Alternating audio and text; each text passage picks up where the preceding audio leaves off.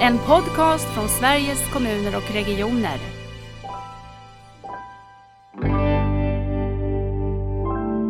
Och barn och unga i den här åldersgruppen som vi har så har, har vi ett jättestort behov av att ha en dialog eh, med de, kring de här familjerna.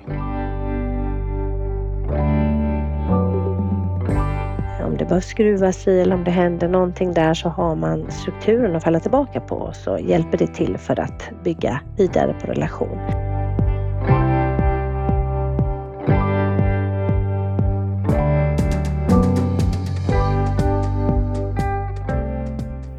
Välkommen till Nära vårdpodden. I det här avsnittet ska vi få möta en person som arbetar med integrerade insatser för barn och ungas hälsa på ett väldigt kreativt och viktigt sätt. Så välkommen till podden Ulrika Block. Tack! Hur är läget Ulrika? Uh, ja men det är ganska bra. Jag är ju förkyld uh, och så men uh, ska försöka att inte snörvla allt för mycket här idag. Ja, det går säkert bra. Sitter du uppe i Umeå? Ja, så det är härlig dag i Umeå. Solen skiner och, och rimfrost eh, ute. Jättehärlig dag. Ja, det har vi likadant. Det har likadant i Luleå. Jag är i Luleå idag. Det ja, har varit fantastiskt dag idag med ja, rimfrost och fem minus och sol och så. Ja. Du berätta mm. för oss vem, vem du är? Eh, ja, jag eh, är, eh, jag jobbar ju som enhetschef eh, inom socialtjänsten i Umeå Eh, och har gjort det i tio år snart. Och eh, eh jag är enhetschef för en, eh, en grupp socialsekreterare som har i uppdrag att kombinera en myndighetsutövning med stödinsatser. En mm. ganska ovanlig kombination även om man har jobbat så i alla tider men att man har särskilt öronmärkt socialsekreterargruppen som jag ansvarar för att jobba med tidiga insatser och också kunna ge stöd snabbt. Så. Mm. Eh, och jag ansvarar också för Öppen förskolas verksamhet som är ute på våra sex familjecentraler. Då. Och socialsekreterarna har också sina arbetsplatser då på familjecentralerna. Just det. Um, mm. Och annars då, vad gör du annars? Ja, jag har min familj här i Umeå. Jag kommer ju ursprungligen från eh, Kungälv där jag vuxit upp och så har jag ju uh, utbildat mig då i Göteborg och bott också i Göteborg uh, och jobbat där som socionom. Mm. Och även då inom barn och unga, som, social, som själv då som socialsekreterare i stadsdelen Kortedala som nu då ingår i östra delen av i Göteborg. Där. Så, det, så där har jag mitt, mitt ursprung, som min början som socionom och inom, eh, inom mitt yrke då startade jag upp där. Och så kom jag till Umeå då och, med familjen, med sambo från, som är från Norrland. Och har bosatt oss här och har tre barn. En, ett vuxet barn som också har fått ett barn -huh. och så två, två, eh, en 11-åring och en 13-åring här då hemma. Ja. Mm. Går det att trivas i, i norr om man kommer från västkusten? Ja, det gör ju det. Jag älskar ju, jag tycker det är jättevackert här uppe och vi åker ofta till fjällen och tycker om vintrarna och så. Ja. Sen har jag stugan kvar, en stuga nere på västkusten där jag träffar min mamma min mammas stuga och familjen där nere varje sommar. Så får jag lite bit av det också såklart. Så, och längtar dit, särskilt på sommaren. Ja, vi, vi, träffades ju faktiskt just på västkusten för vi var ju på socialchefsdagen och jag hade förmånen ja, att få träffa dig där och lyssna ja. på, på ditt arbete och blev så otroligt inspirerad av det ni gör uppe i Västerbotten och har gjort under lång tid. Mm. Och för mig är det så att det här är så otroligt tydligt nära vårdperspektiv. Men hur är din eh, relation till nära vård? Hur tänker du kring det? Ja, eh, nära vård. Eh, där, eh, för mig är det ju att, eh, att vi träffar människor, att, människor, att man får träffa familjer, barnen, klienterna, patienterna som man pratar om inom hälso och sjukvård. Eh, att skapa relationer mellan människor mm. är nära för mig. Eh, att ha en dialog och, och se människan som man träffar. Eh, men också att vara, när det gäller vård, att, eh, att den är tillgänglig. Lättillgänglig som vi pratar om ofta. Det, det innebär ju att när man behöver det så ska den finnas där. Just det. För det är nära. Man ska ha tillgång till det som man behöver där och då. Ja. Någon som lyssnar och tar emot den när man behöver det. Ja. Hur tänker du på det arbete ni gör och, och relationen till omställningen till nära vård? Um, ja, men det här med omställning nära vård, det är ganska nytt för mig. Uh, för det har, uh, jag har kommit i kontakt med det framförallt när jag blivit uh, intervjuad faktiskt i olika sammanhang för att för eh, hur vi kommer in i det arbetet med hälso och sjukvården och hur vi kan utveckla det här tillsammans. Eh, och vi i alla, eh, i alla delar i, i socialtjänstens arbete och i nästan allting vi gör så behöver vi ju varandra. Vi, det är som, vi möter ju samma familjer och, och barn och unga i den här åldersgruppen som vi har så har, har vi ett jättestort behov av att ha en dialog med de, kring de här familjerna. Eh, så hela tiden så försöker vi hitta forum för det i, i hur, vart kan vi mötas i, i, i den dialogen då. Mm. Så där behöver vi ställa om. Eh, det är ju en, en ständig utveckling i det och hur vi skruvar i de mötena då. Mm.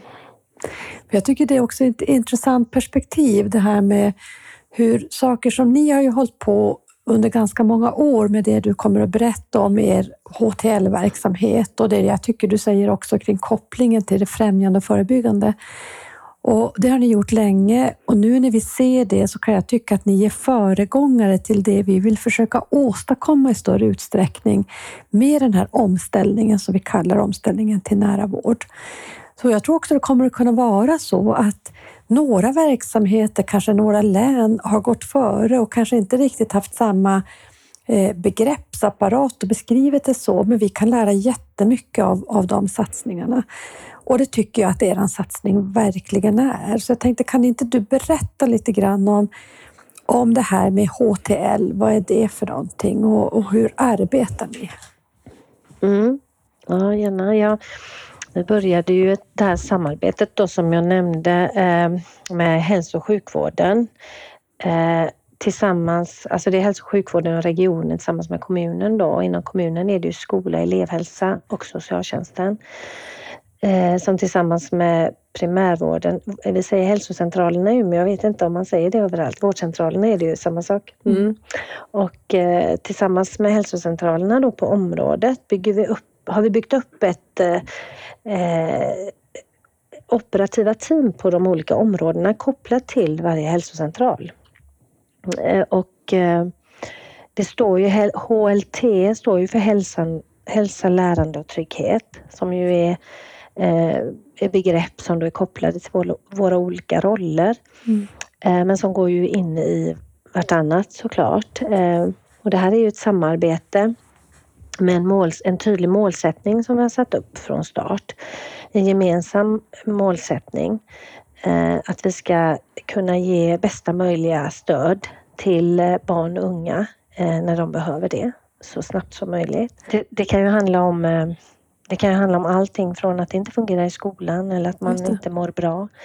Eh, och, och, på de här eh, operativa samverkansteamen där är ju tanken att man ska lyfta och prata om barnet och individen och inte prata om samverkan som generellt som det görs på många i olika forum. Men mm. i just de här HLT-mötena är tanken att här ska vi lyfta upp det individen och det barnet som behöver, eh, behöver något stöd. Då. Mm. Du sa att ni kommer med era olika roller. Jag tänker på mm. H, eh, HLT. Vad, hur mm. tänker du de olika rollerna i HLT? Hälsa, trygghet, lärande? Ja, Hälsa, lärande, trygghet blir det Ja. ja. jo, det, det är ju att eh, hälsa där eh, eh, hälsa, primärvården och hälso och sjukvård såklart har mycket av den kompetensen mm. och kan ta in det i det här teamet kring barns hälsa och också åtgärder och insatser för mm. att eh, ge stöd om det behövs. Eh, och lärande där skola, elevhälsa finns med. såklart hur viktigt det är eh, att ha ett lärande. Mm. Eh, en fungerande skolgång är ju en jätteviktig skyddsfaktor för barn och unga. Och tryggheten hemma och, och, på fritiden och överhuvudtaget då för barn och unga, att det hänger ihop de här tre delarna. Mm. Och kan inte kan, det spelar ingen roll om vi sätter in åtgärder på det ena om, om det andra inte får någon åtgärd samtidigt. Mm, eller i rätt tid då. Så, och att man synkroniserar när vi ska sätta in de här insatserna. Det är så viktigt för att det ska ge effekt och för att det ska göra någon skillnad för barnen. Så jag tror vi behöver ju prata oss samman innan. Eh, mm. och, och, och det såg vi då att det är så viktigt att vi hittar forum för det, för de här professionerna. Så det, och, och det, vi startade ju upp då för många år sedan ett team i Umeå. Okay. Eh, ett team på ett av områdena och började i liten skala och börja pröva oss fram hur vi skulle kunna forma det här. Mm, och såg ju såklart det här med relation, hur viktigt det är när man börjar prata med varandra och hur mycket tydligare man kan bli i förhållande till varandra mm. och vad vi kan ge varandra och bidra och hur mycket mer effektiva vi blir. Och, och tydliga också mot familjen som ju kände många gånger ett jättelyft med att bara veta att det finns, de pratar om oss, de försöker, och de försöker hitta vägar för att komma fram och ge det stöd som finns. Mm. För det är inte lätt för föräldrar och barn och unga att veta vad, vad, vilka vägar ska man ta för att hitta rätt stöd för just deras problematik. Och, och, vilka åtgärder. Det är inte säkert att vi heller har svaren där och då men man försöker hjälpas åt och så efter mötet så möt, möt, väljer vi ut någon som möter upp familjen i en samordnad individuell plan. Det kan vara en eller flera från HLT som eh, möter upp familjen och erbjuder något stöd och berättar om vad vi har för förslag på insatser eller hur vi har resonerat. Mm. Eh, och det här har ju, det bygger mycket på relation och dialog och, och att alla har lika stort ansvar för det här. Det är inte socialtjänsten. Nu är jag här och berättar om det här men det är inte alls enbart socialtjänsten som har något särskilt ansvar för det här. För det här är helt och hållet ett gemensamt ansvar. HLT-arbetet eh, och eh, också uppbyggt på ett sätt då som gör att alla har ett gemensamt ansvar och tar det också då. Mm. Eh, så att men det bygger på relation och lära känna varandra och hitta sitt sätt. Så, så att, och, och det med relation, det vet vi då hur, om det byts folk, om det ja, flyttas och hur, om man bryter relationer. Men hur viktigt det är ändå att ha strukturen eh, vid sidan av eh, att bygga relation, att också låta då när relationen, om det, om det behöver skruvas i eller om det händer någonting där så har man strukturen att falla tillbaka på och så hjälper det till för att bygga vidare på relation. Och det här tror jag har gjort att det har hållit i sig så länge i Umeå och har också mm. faktiskt fått växa nu och, och, bli, inte bara på ett område utan många, många fler i, i Umeå och i Västerbotten. Mm. Du kommer tillbaka till strukturen, men om jag får fråga dig ur det här barnet och familjens perspektiv. Hur kan man få hjälp av ett sånt här HLT-team? Hur kommer man till på något sätt? Ja, precis. Och, och det, eh, det, kan, det är viktigt att också, jag sa det att det var ett gemensamt ansvar, för det är så också att det är ingen som eh, man behöver inte anmäla in eller för, utan det är var och en som är med i ett HLT-team som ska gå till sin organisation och mm. också eh, hjälpa sina kollegor inom till exempel skolan. För det är framförallt skolan, elevhälsa och skolan, där alla barnen är. Som då eh, för det mesta identifierar och tar med sig eh, ett barn eller en familj som vill då bli lyfts upp eh, i ett HLT-möte. Så det är ju via lärare och elevhälsoteam mm. för det mhm. mesta. Men det kan också vara från socialtjänsten som vill lyfta för samverkan i det här teamet. Kan det vara eh, så att en elev är hos eh, skolhälsovården och man säger men vi tror att det skulle vara jättebra om vi fick eh, koppla in vårt HLT-team så fick ni lite bredare insatser. Är det så det kan gå till? Eller? Exakt så, mm. ja precis. Och då beskriver man ju, man behöver ju då skriva under ett sekretesspapper som förälder, att man går med på att man får lyfta upp det här som en för att diskutera vilka insatser som kan finnas inom socialtjänst, hälsocentral eller eh, inom skolans eh, värld. Så, så får man acceptera att, man, eh, att vi diskuterar det. Mm. Och så lyfter vem som helst upp det och ofta tar ju skolan med sig närmaste läraren eller rektorn som känner till barnet. Mm. Så det kommer också från hälsocentralen där inte skolan har upptäckt men där hälsocentralen har, det kan vara ett barn som söker för olika eh, svårigheter och som man vill lyfta upp för diskussion. Vem återkopplar då? Till barnet och föräldrarna?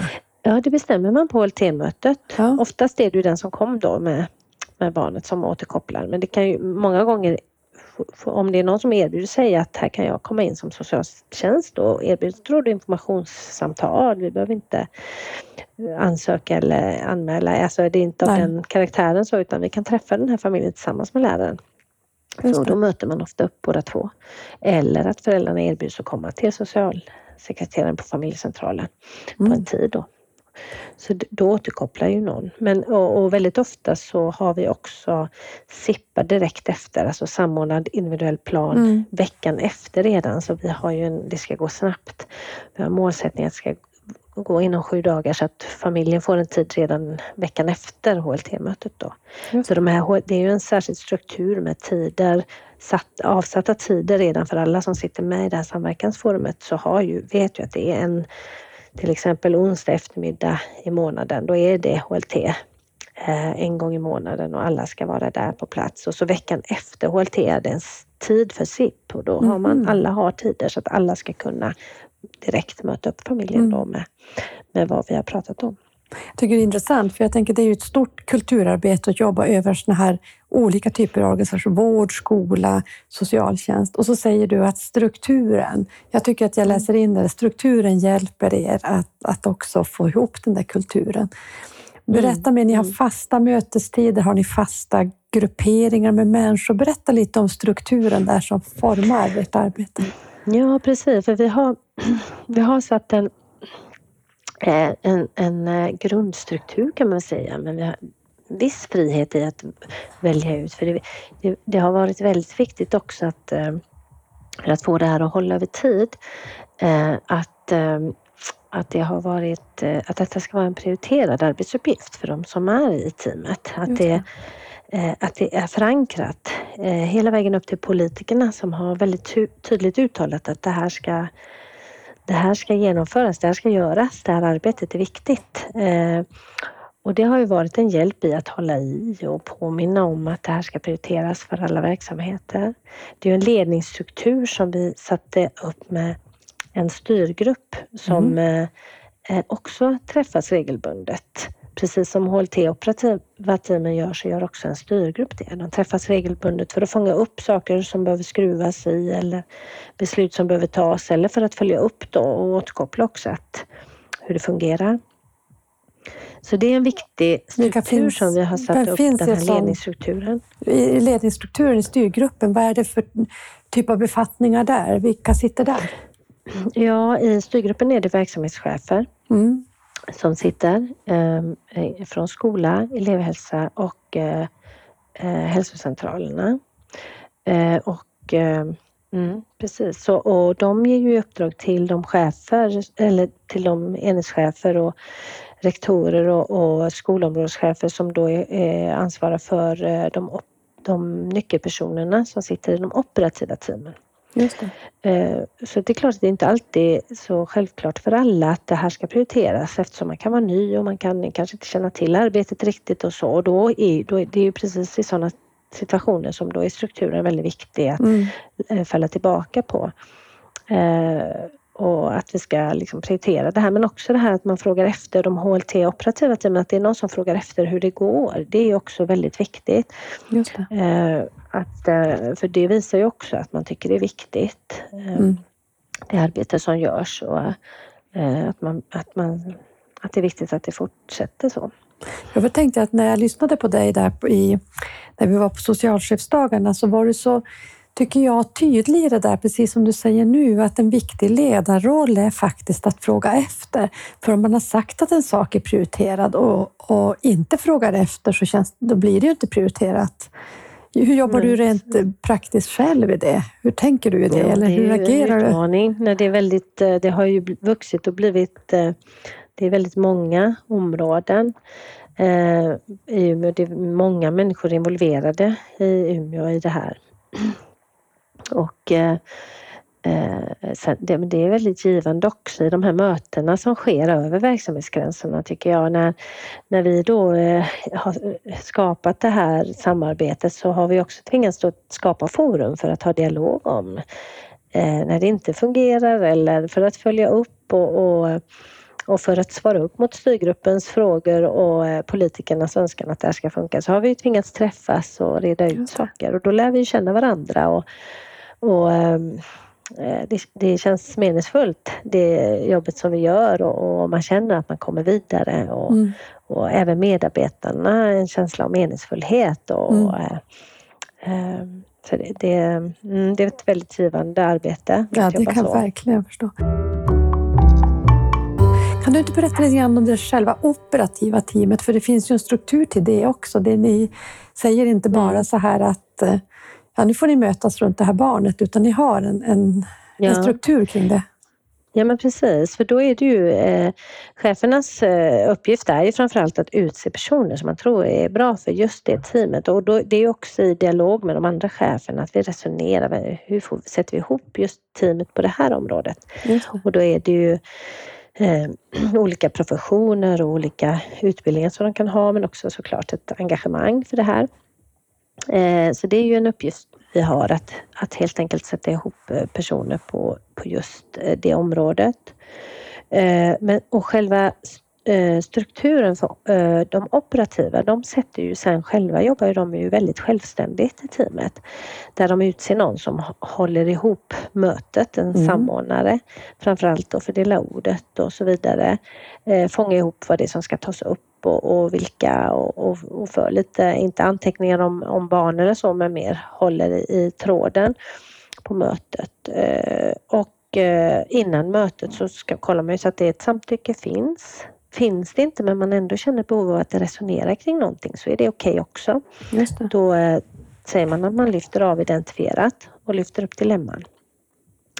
Eh, ja men så sker ju HLT-mötet då ungefär en gång i månaden eh, i de flesta HLT-team träffas de. Eh, och som sagt, eh, eh, man lyfter upp ett ärende och man har jobbat mycket med det här att använda samma begrepp och, och man har jobbat fram en handbok så att alla i teamet ska ändå ha fått introduktion i hur det här går till och så. Ehm, och så hålls mötet och som sagt så återkopplar man till familjen då veckan därpå mm. om vilka insatser som, Vad kan som det röra de professionella sig om? kan tycka är... Ja. Vad kan det röra sig om för problematik som de här barnen har som man tar upp i ett sånt här HTL-team? HLT, mm. jag säger fel hela tiden. H HLT. Ja. jag, tror, ja, jag tror det finns något, någon annan kommun som har ja. liknande och som heter HTL. Ja. ja. Ja. Man kan skruva i det som ja, sagt skruva i det. på sitt Precis. sätt som passar. Nej, men, ehm, Eh, ja, men det kan handla om eh, eh olika saker. Skolfrånvaro är ju ett, eh, ett, ett problem som ofta lyfts för vissa barn som är problematisk skolfrånvaro, som vi säger. Och, och där ju vi ser hur viktigt det är att vi, våra allas roller, vi, vi blir så otroligt viktiga många gånger, åtminstone att reda ut tillsammans när när behöver eh, skolan har ju ett ansvar i det såklart, mm. men det, det, kan finnas psykisk ohälsa som påverkar och som behöv, man behöver hjälp med det. Men, men eh, hälso och sjukvården kan inte ensamma jobba med det utifrån att skolan måste göra anpassningar och hjälpa till. Det kan finnas eh, behov av stöd till föräldrarna eller på hemmaplan som socialtjänsten kan erbjuda.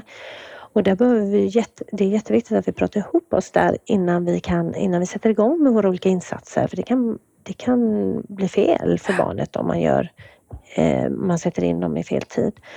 Eh, så att det, det, är ett exempel på när man mm. kan lyfta upp och diskutera och ibland kliver socialtjänsten ur och då, då kan det bli tydligt att här ska vi inte, behövs inte vi. Vi har kollat, vi har haft kontakt men nu behöver vi kliva, kliva åt sidan för att skola och hälsocentralen kanske ska jobba vidare kring det här problematiket och då blir det ju också ett lugn i att man, man kan ha bidragit med en liten del och ibland bidrar vi med väldigt mycket så att det kan se väldigt olika ut.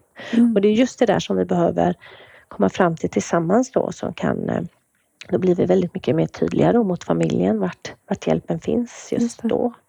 Hur många ärenden kan, kan, det, vara om, på ett sånt? Ja, förlåt, fortsätt mm, Ulrika. Nej, men det kan handla om så många olika saker.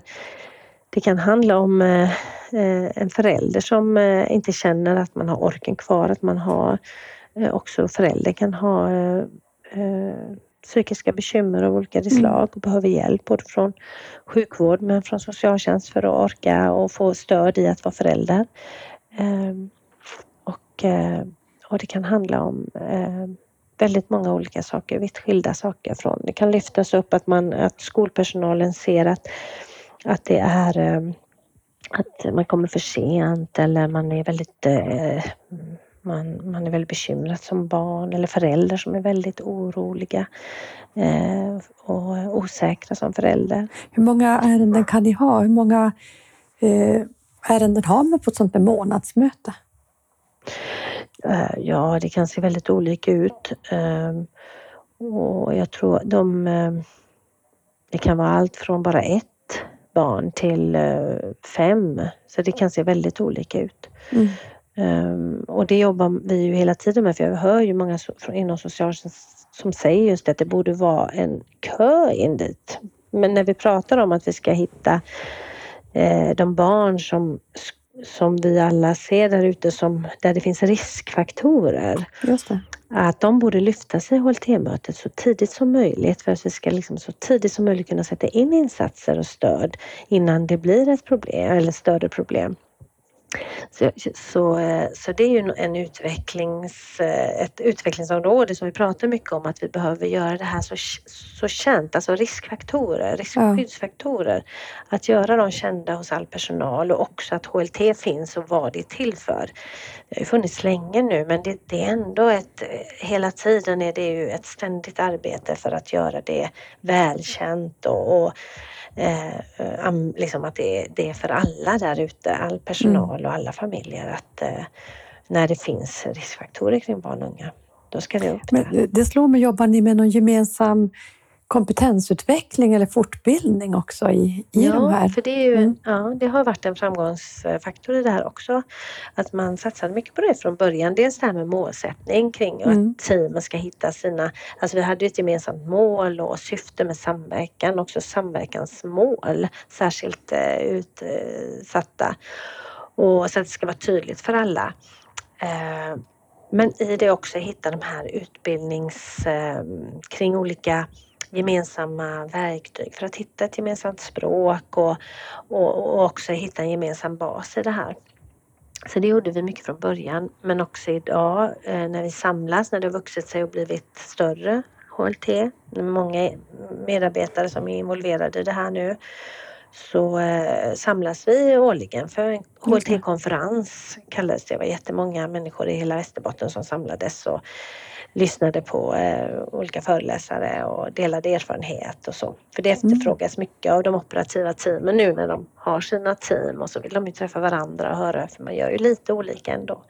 Vissa kanske träffas varannan vecka, lite kortare tid istället. Och, och vissa har jättemånga barn och vissa har nästan inga barn. Och vad gör man då som, som hur kommer det sig att man lyfter så många barn just där och inte där? Och, ja, så oh. Sådana saker är ju väldigt eh, givande och utvecklande. Då.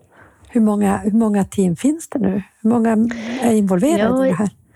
Ja, det, jag, jag hörde en siffra om ungefär 200 medarbetare i Västerbotten då som är involverade i de här HLT-teamen. I Umeå är det ju 20 team ungefär. Det är ju både, är vi delade upp dem i både grundskoleteam och så förskoleteam för vi såg att de yngre barnen inte kanske alltid fick samma utrymme och så. Då valde vi att dela upp det för några år sedan. Så det gjorde att vi fick ytterligare många, väldigt många team eh, ute på områdena. Så det finns ju en väldigt bra grund för och, och, och ett forum för att lyfta och diskutera barn i risk. verkligen. Eh, mm. Ja, jag tänker också på vad var det, de, vad var de största utmaningarna, svårigheterna? För det kan ju inte bara varit enkelt. Det här är ju ett ganska ovanligt sätt att arbeta på. Ja, Nej, det finns ju såklart alltid utmaningar och ingenting är väl perfekt. men, och det är ett ständigt utvecklingsarbete såklart. Ja, men eh, en, en stor utmaning är väl framförallt det här med att eh, eh att göra det känt så att hela tiden byts det ju folk. Eh, det, både i operativa teamen, kan det, om det byts för många samtidigt, ofta är det ju några som är vana och vet vad det är och kan lätt skola in nya kollegor. Men om det byts för flera på en gång eller för ofta då, då märker man direkt att det blir ett slags tapp där så att det är så viktigt att man finns där då och stöttar upp. Um, så det är väl en sak, men även ute att göra det känt på de olika områdena, att hitta liksom en, en ett sätt för att eh, alla ska känna sig trygga med att berätta för föräldrar vad detta är. För känner man till vad det är och då, då får man också med sig föräldrarna lättare in på mm. banan. Så det är en utmaning att, eh, att hitta det. Men eh, ja, det finns ju mycket utmaningar såklart med det. Det är ju det här med prioriteringar och i alla verksamheter så är ganska hårt pressade såklart och, eh, och kösituationer mm. som finns både inom eh, psykiatrin och barn och unga psykiatrin och inom socialtjänsten där vi har svårt att klara uppdraget som det är inom, för de mest utsatta. Ja. Om man säger där, det redan har blivit ett svårt problem. Vi har ju uppdraget att finnas där tidigt och, och möta upp det här men, men vi, ja, det är klart att det påverkar oss när barn står i långa väntetider på kö och, och inte riktigt hamnar på rätt nivå. Nej. Jag tycker ändå det var intressant när du också berättade när jag lyssnade på dig att eh, det är ändå hög prioritering att gå på de här mötena, att man har ett ansvar. Mm. Kan du inte berätta om det? Att se till att... Jo, för det, har ju, mm. det är ju det som, även om det är utmanande att kunna prioritera det här, att avsätta tiden och för alla är det ju det. Många gånger så har det ju att, vi har varit, att det har varit så tydligt uppifrån förankrat och så tydligt uppdrag till oss att det här ska göras så är det också det som har räddat upp det, att vi har fortsatt att kämpa med att det ska finnas kvar. Det har varit en mm. otrolig vilja politiskt att det här ska fortgå. Så det har, det har varit tydligt uttalat år efter år faktiskt sedan vi började mm. att vi ska fortsätta hålla i det här. Det man, även om inte allting är perfekt och vi, vi tycker ju själva att vi borde ha fler barn som lyfts i de här forumen. Vi borde ha och det finns saker som händer omkring oss som gör att det, det inte är perfekt så. Vi måste ju, till exempel friskolor och alltså, vi behöver få in dem på något sätt. Det här är ju kommunala och massa saker som vi har skruvat i och försöker hitta an, liksom vägar i me mellanrum. Så vi pratar om stuprör. Mm. Det här är ju, är ju ett samverkan över verksamhetsgränser men det finns ju saker också som inte vi når Liksom all, vi behöver ju nå alla så. Men hela tiden så jobbar vi med att skruva i utifrån att vi har ett tydligt uppdrag att det här ska, det här ska vi göra. Så, ja. så då, då, ska vi prioritera det här arbetet. Och det uppdraget det följer med ända ner till den operativa nivån förstod mm. jag, för där prioriterar mm. man också att alltid se mm. till att man är representerad. Visst är det så? Jo, mm. jo precis. Och det har de ju också precis tydligt uppdrag. Ända från politiker till verksamhetschefer, styrgruppen till oss chefer, enhetschefer och till det operativa. För är det en som inte är där, då är det, ser det som att då slösar ju, det är ju, det är ju ingen idé att ha mötet då eftersom vi är beroende av varandra. Så att är man sjuk eller man måste utbilda, då måste man ha en ersättare som kommer. Mm. Så då måste man se till att ordna det. Eh, annars så, så, så, faller hela konceptet. Just det. Man behöver alla kompetenser omkring det här så som det är uppbyggt. Mm. Och det... Hur fick ni, hur fick ni ja förlåt, såklart. Hur fick ni? Nej, det, det, alla känner ju till det här och det är ju också det här med att följa upp när cheferna kommer och frågar det. Det är ju inte så att man vill lämna ut sina kollegor om det haltar, så kan det ju Nej. vara såklart. Det är också en utmaning. Ibland kan det vara någon som inte tycker att det är lika viktigt.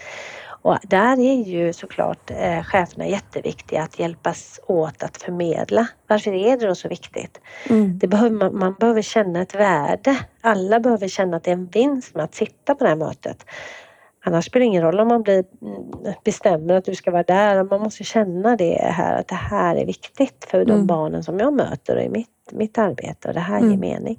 Då kommer man och då har man massa barn att, att prata om. Det märker man ju när man, liksom, man knäcker den. Liksom. Exakt. Mm. Ja, då kommer man. Jag tänkte, vad skapar det för värde? Det är väl, vad ser ni för resultat? Vad är det som som gör att man vill fortsätta arbeta med det här under flera år? Nu har ni hållit på. Mm. Alltså jag tror mycket handlar ju om att man, har, man ser ju att eh, eh man får tillbaka väldigt mycket positivt från familjer och föräldrar och, och barnen.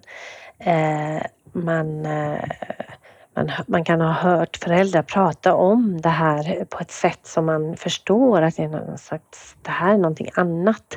Här sitter det professionella och pratar om mitt barn och kommer med förslag på eh, insatser. Jag behöver inte jaga runt och, eller för en, eh, en psykolog på en, en hälsocentral som, som sitter tillsammans med socialsekreterare och, och, och träffar familjen tillsammans istället för att på varsitt håll träffa Eh, det, finns, det är helt nya sätt att tänka. Man hittar det och utgår från det barn man pratar om och så hittar man ett sätt som, som så då, den här gruppen tror är det bästa för just den här familjen. Mm. Och det blir ju på något sätt unikt för man känner sig unik och, och specialbehandlad, höll på sen, men att man blir verkligen bemött utifrån eh, de, det man har sökt för eller det man har uttryckt, det mm. behov man har. Ja, det låter ju verkligen bra. Men har ni gjort någon uppföljning, rent mer formell uppföljning? Ja, men det har vi ju eh, gjort genom åren på olika sätt. Vi har ju haft en önskan att alltså var och en av verksamheterna följer upp sina insatser Just det. På olika sätt. Det svåra är ju att följa upp vad är det samverkan? Har den gjort någon skillnad? Så det har just. vi försökt att hitta sätt att följa och just nu har vi ju en enkät då som ska lämnas till de familjer som har varit föremål för ett HLT-möte och, eh, och de ska få svara på eh, det. Så vi väntar på resultat. Mm. Eh, det har varit för lite svar. Det har varit svårt. Det är alltid svårt och mycket enkäter som ja. i egna verksamheterna. Men det här, det här är någonting som påbörjades för bara några, något år sedan eller två. Som man jobbar på med HLT-teamen i Västerbotten. Och sen har vi precis nu bara för några månader sedan fått eh, klartecken, ett forskaranslag som de ska forska mm. på det här. Så de kanske har kommit på något sätt att utvärdera just det här med samverkan och vad det kan göra för skillnad då. Och göra på en, kanske på en annan nivå än vad vi har lyckats med hittills då. Det vi har gjort olika utvärderingar och uppföljningar genom att ta, plocka ut familjer som, som vi vet eh, har varit, eh, som har som vi har kunnat fråga efter och gjort lite små intervjuer och sådär. Och det är mm. just där vi får sådana här fina exempel och ja. vi hör hur det sprider sig att det här faktiskt ger någonting. Det ger ett värde för, för familjerna då. De får stöd. Och det där berättandet är ju så viktigt för jag tänker precis det du säger, motivationen för den enskilda eh, att gå till arbetet, att få vara med i mm. det här teamet. Mm. Då är ju berättelserna viktiga. Vi jobbar mm. precis mm. nu i, i i det arbete som vi gör från SKR för att stödja omställningen till nära vård med att titta på helt nya sätt att följa upp. För jag tror du är inne på någonting. Det, här, det är svårt att se effekterna av gränsöverskridande samarbete när vi har uppföljning bara i varje del för sig. Så att eh, det blir spännande att se om vi ska kunna titta någonting och hjälpa, vara, ha ert arbete också med på sikt i det. Mm. Det vore mm. jättespännande. Jag var inne på det här med hur fick ni idén? Vem kom på det här? Har ni hämtat det någonstans ifrån eller? Vet du? Eh, alltså själva idén om HLT? Mm. Eh, nej, alltså det var ju synkprojektet och SKL faktiskt som hjälpte Just till i det här och det har ju och vi valde att göra socialtjänsten tillsammans eh, med hälsocentralerna och elevhälsa, skola. Eh, vi gjorde ju det här tillsammans från början och det var väl det som var väldigt spännande. Så det var ju inte jag vet inte, vad, tänker du begreppet eller själva Nej, jag tänker arbetssättet mest. Ja. Arbetssättet.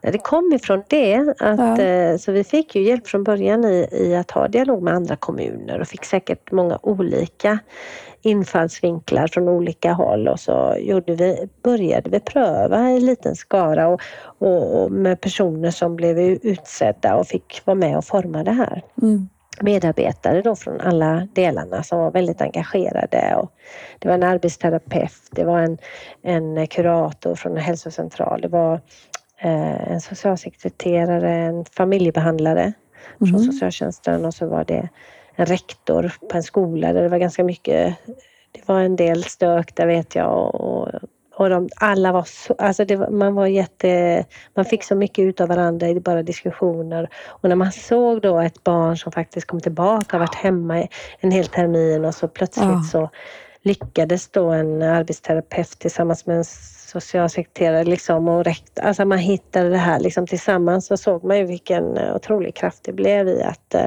att det gjorde skillnad då, att det gav effekt istället och också bara förståelsen för våra olika roller i det. Att, mm. att kunna känna oss som kollegor och inte mm. som eh, samverkans eller samarbetspartners. Det blir mer som kollegor efter en tid när man träffas regelbundet mm. på det här sättet över gränserna. Då. Så, att, eh, så mm. intressant. Du sa någonting intressant i början också Ulrika och du sa så här att jag har ju det här uppdraget att göra det här som inte bara är myndighetsutövandet när man behöver gripa in eller sånt som man gör i socialtjänst utan också det här proaktiva förhållningssättet. Och jag tror att det finns något viktigt i det här, vilka uppdrag vi gör, ger ledarna, vad man har för uppdrag som chef. Mm. Och du är ju också chef för familjecentraler och du sa också att öppen förskola fanns. Berätta lite grann om ditt, ditt uppdrag i din ledarroll och hur du tar dig an det. Det har ju byggts på allt eftersom. Vi var ju två från början i det här och, det ju, eh, och vi fick ju ett uppdrag att faktiskt utveckla någonting från eh, början. Det var inte så det var liksom inte något tydligt, vad ska man säga, så här så här Nej. ska det vara, utan det är väl framförallt de här eh, målen man sätter tillsammans då. Att, eh, att, se, att se framför sig att men, vi vill dit. Om det, det har ju med familjer, det har med barn och unga att göra och deras behov av hjälp och stöd. Eh, eh, om man har det och risk och skyddsfaktorer, att man har vissa delar i sitt uppdrag som man ser att det här går ju, det här går ju in i många olika delar så att eh, mm, att bara få vara med och forma det här uppdraget mm. tillsammans för att hitta just att möta upp behoven på det sätt som, eh, som behövs och, som är viktigt. Så det, mm, jag tror jag kom av mig lite på frågan. Nej, men jag tycker det där är bra, för jag tänker också så här mm. att jag tror att man som ledare och chef eh, också har ett ansvar i att tillsammans med sin chef, den som har gett mm. diskutera vad är uppdraget för mig? Vad är det jag ska åstadkomma i min mm. ledarroll? Mm. Och då tänker jag att mm. jag lyssnar in i alla fall eh, utifrån mitt sätt att se att du har ju ett, fått ett spännande eller format ett spännande uppdrag för ditt ledarskap där du får vara mm i hela bredden från det som handlar om att gripa in när det har gått snett till att också jobba med de mm. här mm.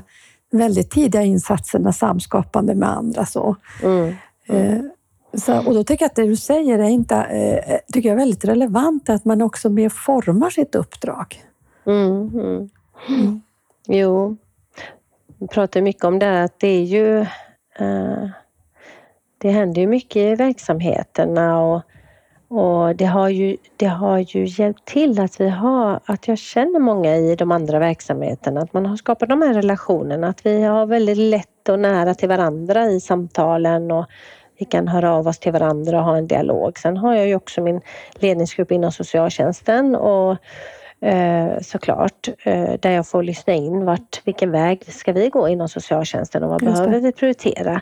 Det är klart att det är en utmaning också att veta Eh, vilken, alltså, att det är viktigt att vi också sätter gränserna såklart i det här att klara kärnuppdraget. Det här med mm. stuprör och så, det ju, vill vi ju undvika att vi behöver hitta de här mellanrummen mellan stuprören och se till att familjer inte hamnar däremellan. Och samtidigt så vill alla klara sitt uppdrag. Det eh, och det har ju hjälpt mig att jag har fått väldigt fria händer att skapa och bygga det här, eh, den här verksamheten eh, tillsammans då med Eh, andra verksamheter. För, för det var precis det som jag nämnde med de här operativa teamet, när man möter andra verksamheter, när man möter andra professioner, då blir det på något sätt tydligare för en, vad är det jag behöver göra här? Mm. Vad är det som fattas i det andra? Mm. Vad är det jag kan kliva in med och var går gränserna för det uppdraget som vi har och mm. vad kan vi hjälpas åt med och så vidare. Så det, det hittar man ju tillsammans med de här mötena och samarbeten som vi har tillsammans. Det är otroligt. Det där tror jag är jätteviktigt det du säger nu. Du sätter fingret på något, att vi har oftast hamnat i våra stuprör och försökt sitta med gränserna. Men vi kanske inte riktigt vet vad, vad mitt bidrag är till helheten förrän vi har träffat de andra också. Det är Precis. där på något sätt vi kan forma vår roll. Ja. Det var ju intressant. Ja. Om du fick blicka framåt lite grann, vad ser du framför dig för utveckling? Vad är framtiden för det här? Mm. Ja, jag har nog varit inne en del på det. Men min framtid i, i det här med HLT, jag önskar ju att vi ska ha många, många fler barn eh, mm.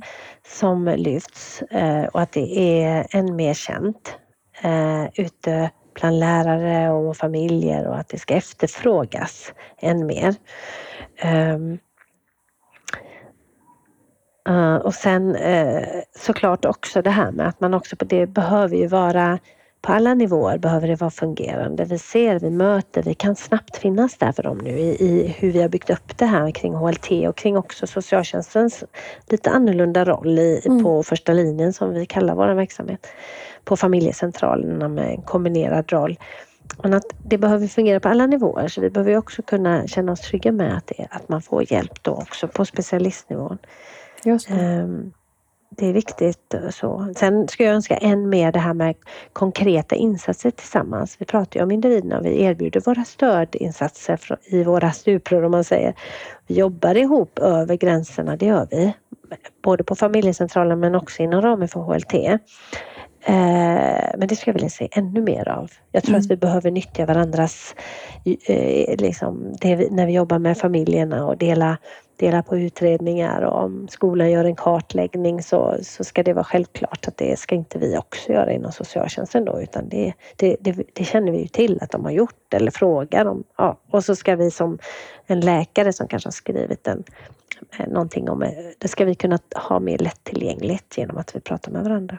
Det. Så det, det ska vara en, eh, det, det ska jag se som framtiden att vi jobbar mycket mer ihop så konkret. Mm. Får du nog mycket frågor? Jag tänker från övriga Sverige, för jag kan ju se ur ett nationellt perspektiv att det här vill man ju ska få spridning. Ja. Får du några frågor om andra som vill lyssna? Jo, vi, jo, vi får mycket frågor eh, om det här arbetet. Jag, eh, just utifrån att det har hållit i sig så länge det är klart Exakt. att det är inte är perfekt och vi måste skruva hela tiden i och sådär i det här arbetet också då. Men det, det är någonting eh, att det har hållit i sig så länge. Att det, har, det sprider sig också. Det har mm. blivit, mm. eh, spridit sig i Västerbotten. Mm. Mm. Ja, det är så intressant och man, kom, man hittar väl mer på någon webbplats, är det på Umeå kommuns webbplats om man vill söka mer om det här? Man kan söka på, jag tror, eh, på hälsa, lärande, trygghetsmöten.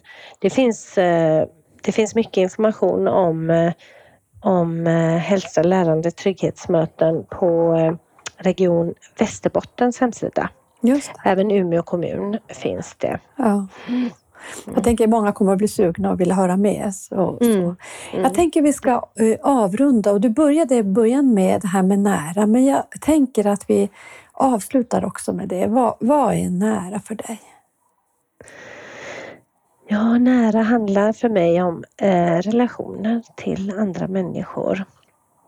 Och att möta, möta dem där de är och eh, att vara tillgänglig och lyssna och, och, och skapa forum för dialog och, och bygga relation då.